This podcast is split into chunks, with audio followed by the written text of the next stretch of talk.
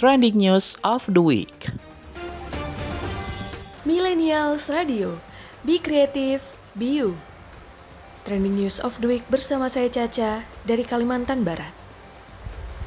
Berita pertama dari saya datang dari pesawat TNI jatuh di Pasuruan. Dua pesawat tempur taktis EMB 314 Super Tucano milik TNI AU jatuh di Pasuruan pada Jumat 17 November lalu. Pesawat TT-3111 dan TT-3103 yang jatuh ini tengah melakukan sesi latihan rutin.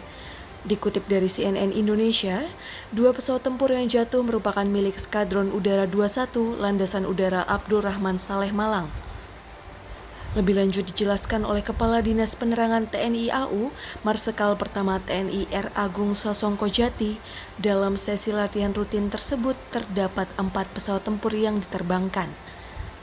Diketahui pesawat telah take off pada pukul 10.51 waktu Indonesia Barat dan dua pesawat tempur dinyatakan hilang kontak pada pukul 11.18 waktu Indonesia Barat.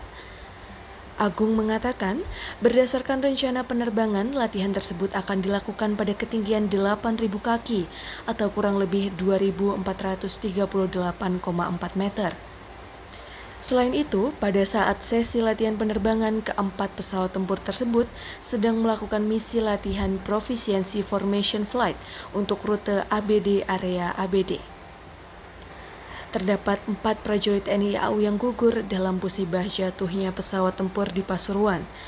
Keempat prajurit yang gugur tersebut yaitu Kolonel PNB Sandra Gunawan, Marsekal Pertama TNI Widiono Hadiwijaya, Letkol PNB Yuda Anggara Seta, dan Marsekal Pertama TNI Suban.